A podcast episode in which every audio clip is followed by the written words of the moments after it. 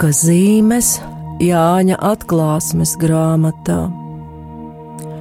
Un tas, kas sēdēja goda krēslā, teica: Redzi, es visu daru jaunu. Studijā Stēlna. Pagājušā raidījumā mēs runājām par apstākļiem, kas sagatavo septiņu redzējumu ciklu, septiņu dieva dusmu kausu izliešanu. Pieskārāmies arī tam, ka mums nesaprotamā un dīvainā kārtā vizionārs Jānis šos septiņus eņģeļus, kuri tērpti priestera drānās un izlies septiņus dieva dusmu kausus, vizionārs tos sauc par lielu un brīnišķīgu zīmi. Bet šodien mēs jau sāksim skatīties, ko atnes katrs kauss un ko tas nozīmē. Un vispirms par pirmiem četriem kausiem, kuru apraksts atrodams atklāsmes grāmatas 16. nodaļā no 1 līdz 9. pantam. Es dzirdēju, stipra balss templī sauca septiņiem eņģeļiem: Eita un izlaiet septiņus dieva dusmu kausus pār zemi! Pirmais gāja un izlēja savu kausu pār zemi, tad piemetās ļauni, nikni augoņi cilvēkiem, kam bija zvēra zīme un kas pielūdza viņa tēlu. Otrs izlēja savu kausu pār jūru, un tā kļuva par asinīm, kā miroņa asinīm, un visa dzīvā radība jūrā nobeidzās. Trešais izlēja savu kausu upēs un ūdens avotos, un tie kļuva par asinīm, un es dzirdēju eņģeli, kas valda pār ūdeņiem, sakām: Taisns tu esi svētais, kas tu esi un biji, ka tu spriedi tādu tiesu, jo tie ir izlējuši svēto un praviešu asinis, tāpēc tu tos dzirdīji ar asinīm, viņi to ir pelnījuši. Tad es dzirdēju altārī sakām: Tiešām, kungs, dievs, visu valdītāji, patiesas un taisnas ir tavas tiesas. Ceturtais izlēja savu kausu pār sauli, tad tā dabūja spēku sadedzināt cilvēkus ar uguni. Tā sadega cilvēki lielā karstumā, bet tie zaimoja dieva vārdu, kam bija vara pār šīm mocībām un neatgriezās, lai dotu dievam godu. Redzam, ka dusmu kausu izraisīto pārbaudījumu apraksta secība atšķiras no bazūņu pasludinātajiem pārbaudījumiem, kurus pētījām iepriekš. Šeit jau paša pirmā kausa saturs attiecas uz cilvēkiem, tiem uzbrūk nikna slimība, bet sekojošie pārbaudījumi no 2. līdz 4. dusmu kausam attiecas uz cilvēku apdzīvojamo telpu, kas tagad tiek pilnībā sabojāta. Šāda secība nav bez iemesla. Un te jāiedziļinās vairāk, kas ir šī slimība, ko izraisa pirmais dusmu kauss, jeb trauks, kā teikts Bībeles jaunajā tulkojumā, Jo, ņemot vērā rakstu simbolu valodu, varam saprast, ka slimībai ir garīgā nozīme, un šī vides pilnīgā samaitāšanās ir saistīta ar šo cilvēkiem uzbrukušo slimību, zināmā mērā ir šīs slimības sekas. Latviešu valodā tulkots kā jau lasījām, ļauni, nikni augoņi, kas ļauj labāk saskatīt šīs pārbaudījuma līdzību ar Eģiptes mocību izceļošanas grāmatā, 9. nodaļā, no 8. līdz 12. pantam. Jaunajā Bībeles tulkojumā šī atklāsmes grāmatā aprakstītā slimība raksturota kā briesmīga un ļaudabīga čūla, bet tulkojumā Krievu valodā Briseles izdevums mēs lasām, es uzreiz to pārtulkoju latviešu nežēlīgas, pratīgas un strutojošas brūces. Redzam, ka šī kaite piemeklē tikai tos, kam ir zvēra zīme un kuri pielūdz zvēra tēlu. Vēl šo kaiti baznīcas tēvi saist ar Mateja evaņģēlija 24. nodaļu, 7. un 8. pānta, kur Jēzus saka: Bet jūs dzirdēsiet karus un karu daudzināšanu. Esiet nomodā, nebīsties, jo tam tā jānotiek, bet tas vēl nav gals. Jo tauta celsies pret tautu, valsts pret valsti, un būs bada laiki un zemestrīce dažās vietās, bet tas viss būs tikai lielo bēdu iesākums. Un te atkal jārunā par tulkojumu. Šis izteikums bēdas pārāk labi neparāda to, kas ir ieslēpts tekstā. Krievu valodā tulkots kā slimība, un šajā valodā slimība, jeb, teiksim, krieviski, boļēziņa, jau skaidri parāda vārdu boļ, jeb sāpes, tātad lielo sāpju iesākums. Atklāsmes grāmatas eņģelis kura izlietais trauks atnes šīs trutainās riebīgās brūces, ir pats pirmais un tam seko pārējie seši. Tātad šīs sāpes te, te ir nežēlīgas un pretīgas strutainas brūces. Un šis teksts jau liek domāt par spitālības aprakstu. Un kas tad ir šī slimība? Senāk To sauca par lepru. Tā ir hroniska infekciju slimība, kas nav uzreiz nāvējoša, bet savā smagākajās formās ļoti mokoša un vizuāli atbaidoša. Parasti sākas ar izsitumiem, un smagākajās formās līdz nepazīšanai izkropļo slimnieka ārējo izskatu, it īpaši seju. Izsitumi ar laiku kļūst tik masīvi, ka veido tā saucamo lauvas ģīmi. Slimība sēda arī pārējo ķermeni, bojā redzi un dažādus ķermeņa orgānus, skar perifēro nervu sistēmu. Un neārstētam spitālīdes slimniekam izzūd ādas jutība un veidojas čūlas, nervu bojājumi rada neciešamas sāpes, deformējas kauli un locītavas, iespējama atsevišķu ķermeņa daļu, piemēram, pirkstu pašamputācija, jeb vienkārši runājot, tie atdalās, nokrīt. Šos cilvēkus no slimības senatnē izolēja, un šie noteikumi atrodami jau vecajā derībā. Un lasām Levītu grāmatas 13. nodaļā, kur ir doti norādījumi par spitālības konstatēšanu un rīcību ar spitālības slimnieku.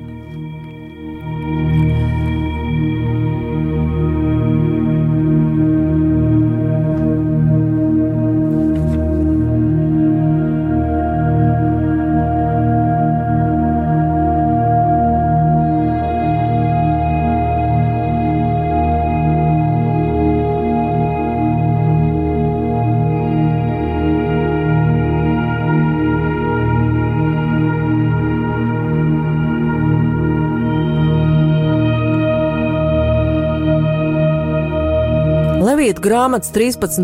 nodaļā no 42. līdz 46.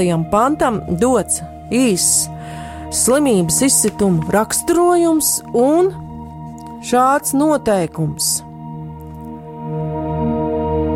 Viņš ir nešķīsts, un arī priesterim būs viņu atzīt par nešķīstu, jo tam galvās ir spitālības vaina.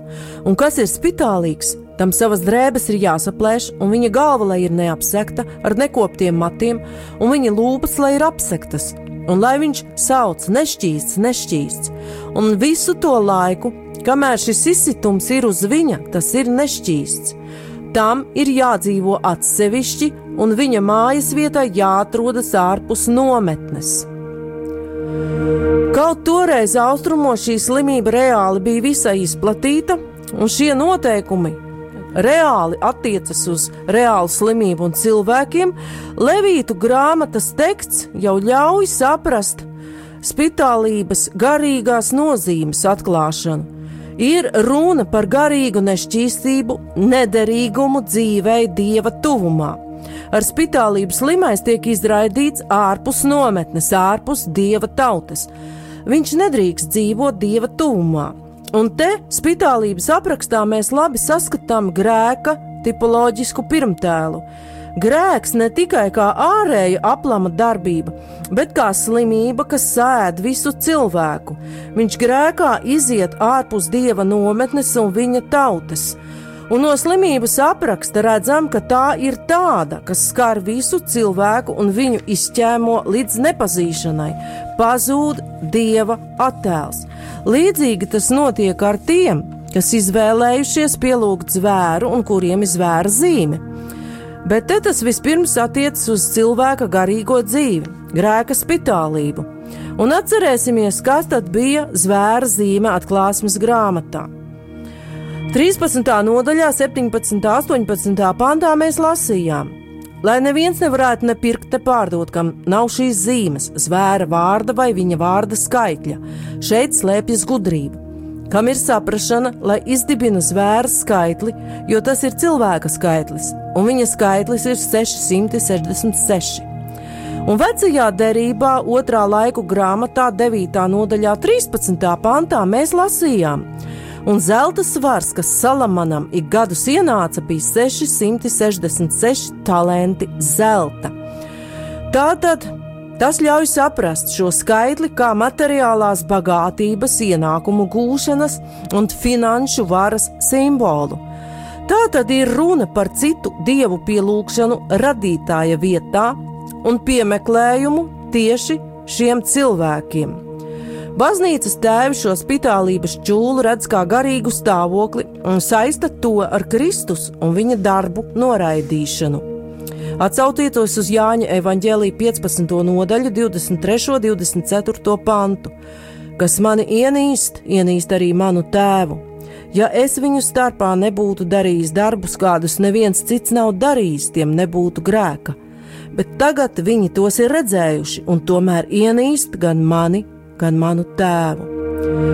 Par naudas neiespējamību saistīties ar dieva sfēru norāda arī apstuļu darbu vārdi par bijušo burvi Sīmani, kur piemin baznīcas tēvi.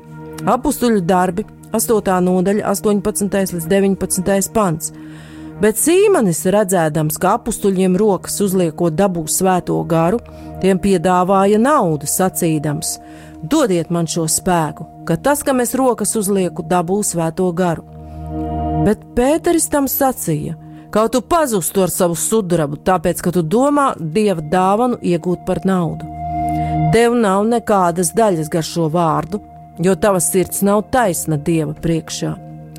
Šīs rakstu fragments ļoti skaidri parāda, gara dāvanas dievs dod brīvi, kā grib, un šī dāvana nav par naudu pērkama. Mēģinājumi dzīvot pēc miesas prātas, kas šodienas peļņas un patērēšanas azarta pārņemtajā labklājības sabiedrībā ir dominējošā, noved arī pie fiziskām slimībām un garīgām ciešanām, jo, kā jau minēju, grēks iezīmē visu cilvēku Mēs redzam, parādāmies jaunas slimības un to paveidus. Cilvēki kļūst atkarīgi no legāli pastāvošām grēka struktūru piedāvātām izklaidēm, kā azartspēles, narkotikas, alkohols, pornogrāfija un daudzas citas, kas sabēja cilvēku garīgi un fiziski. Savukārt valstu likumi ir vai nu bezobaini, vai viegli apējami, jo jābūt taču tolerantiem un jāveicina ekonomiskā izaugsme. Cilvēki, kuriem it kā materiālajā izteiksmē viss ir, tomēr ir neapmierināti, cieši no savas neapmierinātības, grib vēl vairāk un vairāk, un ir nespējīgi sakārtot savu dzīvi. Un šī neapmierinātība un tieksme iegūt ar vien vairāk saindē cilvēku un viņu lēnām sēd. Zvēra zīme, jeb finanšu tirgu diktatūra velk līdz iznīcību, ko atnes nākamo triju eņģeļu izlietie kausi. Un lasām, otrs izlēja savu kausu pār jūru, un tā kļuva par asinīm, kā miroņa asinīm, un visa dzīvā radība jūrā nobeidzās. Un trešais eņģelis izlēja savu kausu upēs un ūdens avotos, un tie arī kļūst par asinīm, kā jau to lasījām raidījuma sākumā. Atceroties vienu no baznīcas tēvu skaidrojumiem, ko pieminējām saistībā ar bazūņu atnestajiem pārbaudījumiem. Šajā mocībā ar ūdens pārvēršanos asinīs, kura arī nāk no izceļošanas grāmatas, ir atainota miesas gudrība, kas garīgi nonāvē cilvēkus. Un varam saprast, ka zvēra sekotāji ir pilnīgi pārņemti ar miesas gudrību, gatavi kalpot tikai savai labklājībai, komfortam, neierobežotām baudām, varas kārai un alkatībai, kas neizbēgami rada dieva radītās pasaules apdraudējumu. Bez tam komforts un labklājība var kļūt par faktoru, kas pavēršas pret pašu cilvēku, piemēram, stihisku nelaimju, kā zemestrīces un tām līdzīgas gadījumos, kad no plīsušiem gāzes vadiem un citiem šādiem labklājības uh, iekārtām izceļas milzu ugunsgrēki un vidē nonāk ļoti daudz dažādu mūsu komforta piederumu kā ķimikāliju un citu, kuri šo vidi samaitā uz ļoti ilgu laiku, un šīs sekas mēs nespējam prognozēt. Vēl ar šo pilnīgo ūdeņu samaitāšanu, kad tiek izlieti dieva dusmu kausi, ir pateikts, ka vairs nav palicis vietas atgriešanās procesam, kas pie bazūņu pārbaudījumiem vēl bija. Tad miesas gudrība ir pilnīgi pārņēmusi zvēra un tā zīmes godinātājus. Bet šī apraksta seko īsts iestarpinājums, kurā eņģelis, kas valda pār ūdeņiem, slavē Dievu par šo spriedumu, kurš ir taisnīgs.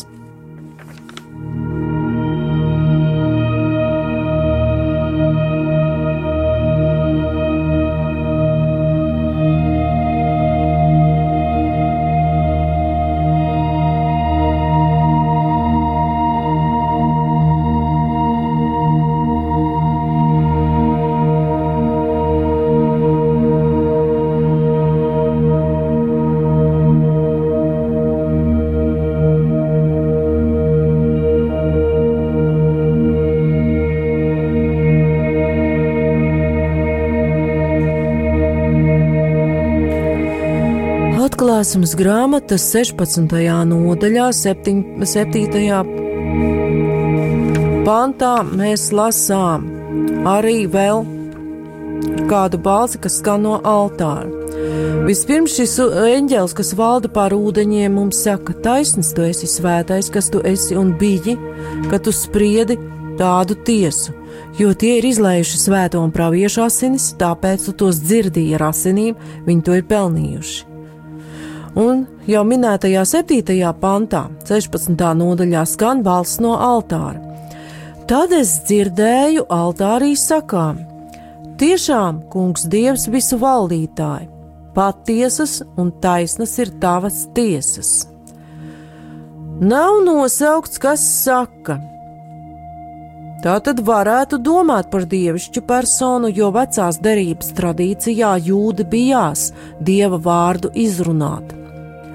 Altāris, jeb precīzāk upura altārs, dažkārt nozīmē Jēzu Kristu, jo caur viņu un viņā tēvam svinētie kalpojumi un pienestie upuri ir dzīvi.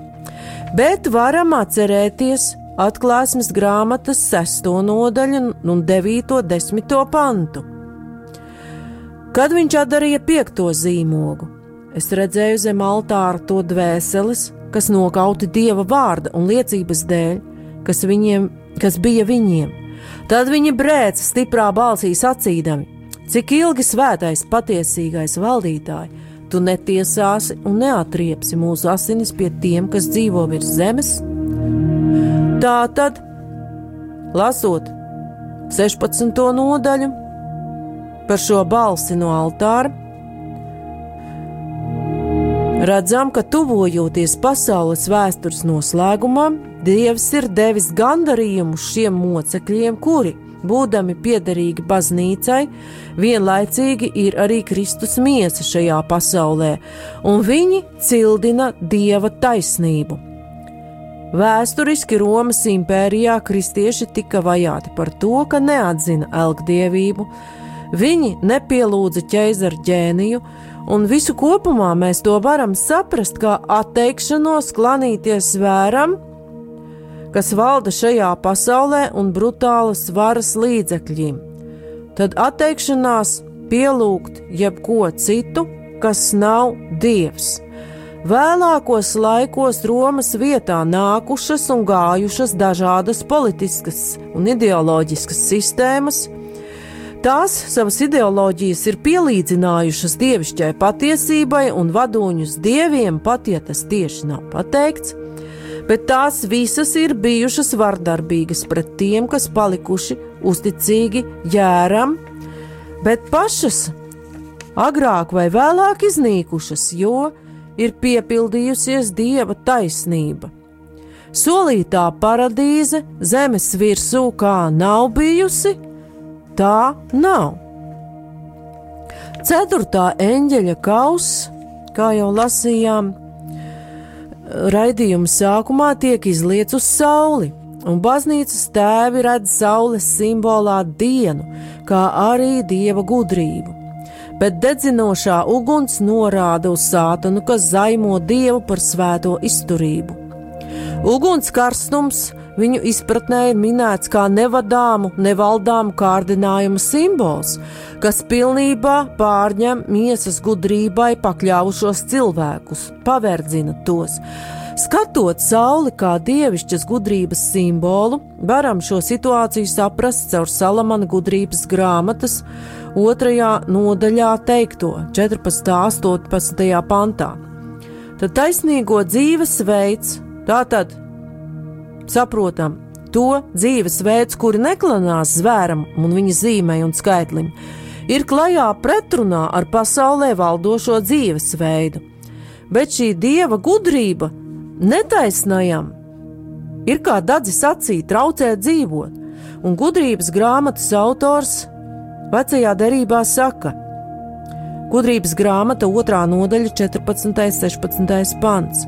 Viņš apsūdzība mūsu uzskatiem, vien uzlūkojot viņu mums jau smagi, jo viņa dzīve nav tāda kā citiem, pavisam citādas ir viņa takas. Mēs viņa acīs viltoti nauda, no mūsu ceļiem viņš vairās kā no visa, kas nešķīsts. Dieva gudrība un to cilvēku dzīvesveids, kuri seko šai dieva gudrībai, uzrāda zvēra pielūdzēju grēkus. Viņi tos pat saprot, bet kā jau minēts, miesas gudrība viņus ir tā sasaistījusi, tā savažojusi, ka viņi nespēja vairs atgriezties un paši no tā neganti cieš. Tad cieš no šīs grēka spitālības, un iespējams, ka viņu sirds jau ir nocietināta tāpat kā izceļošanas grāmatā minētajam faraonam, ka viņi vairs nespēja un negrib pieņemt dieva palīdzību. Atklāsmes grāmatas 16. nodaļas 9. pants paralēlā struktūrā ar atklāsmes grāmatas 9. nodaļas 20. un 21. pantu atklāja, grēkos dzīvojošo cilvēku reakciju uz pirmo četru dusmu kausu nesto sodu. Un vienlaicīgi šī reakcija ir šo cilvēku brīvās gribas izvēle. Tā sadega cilvēki lielā karstumā, bet tie zaimoja dievu vārdu, kam ir vara par šīm mocībām, un neatgriezās, lai dotu dievam godu. Tad piektā eņģeļa kauss tiks izliets uz zvēra troni, tas paliks tumšs. Bet kas ir šī tumsa, kas tad notiek ar zvēru un viņa valstību? Par to mēs runāsim jau nākamajā raidījumā. Studijā bija Stela.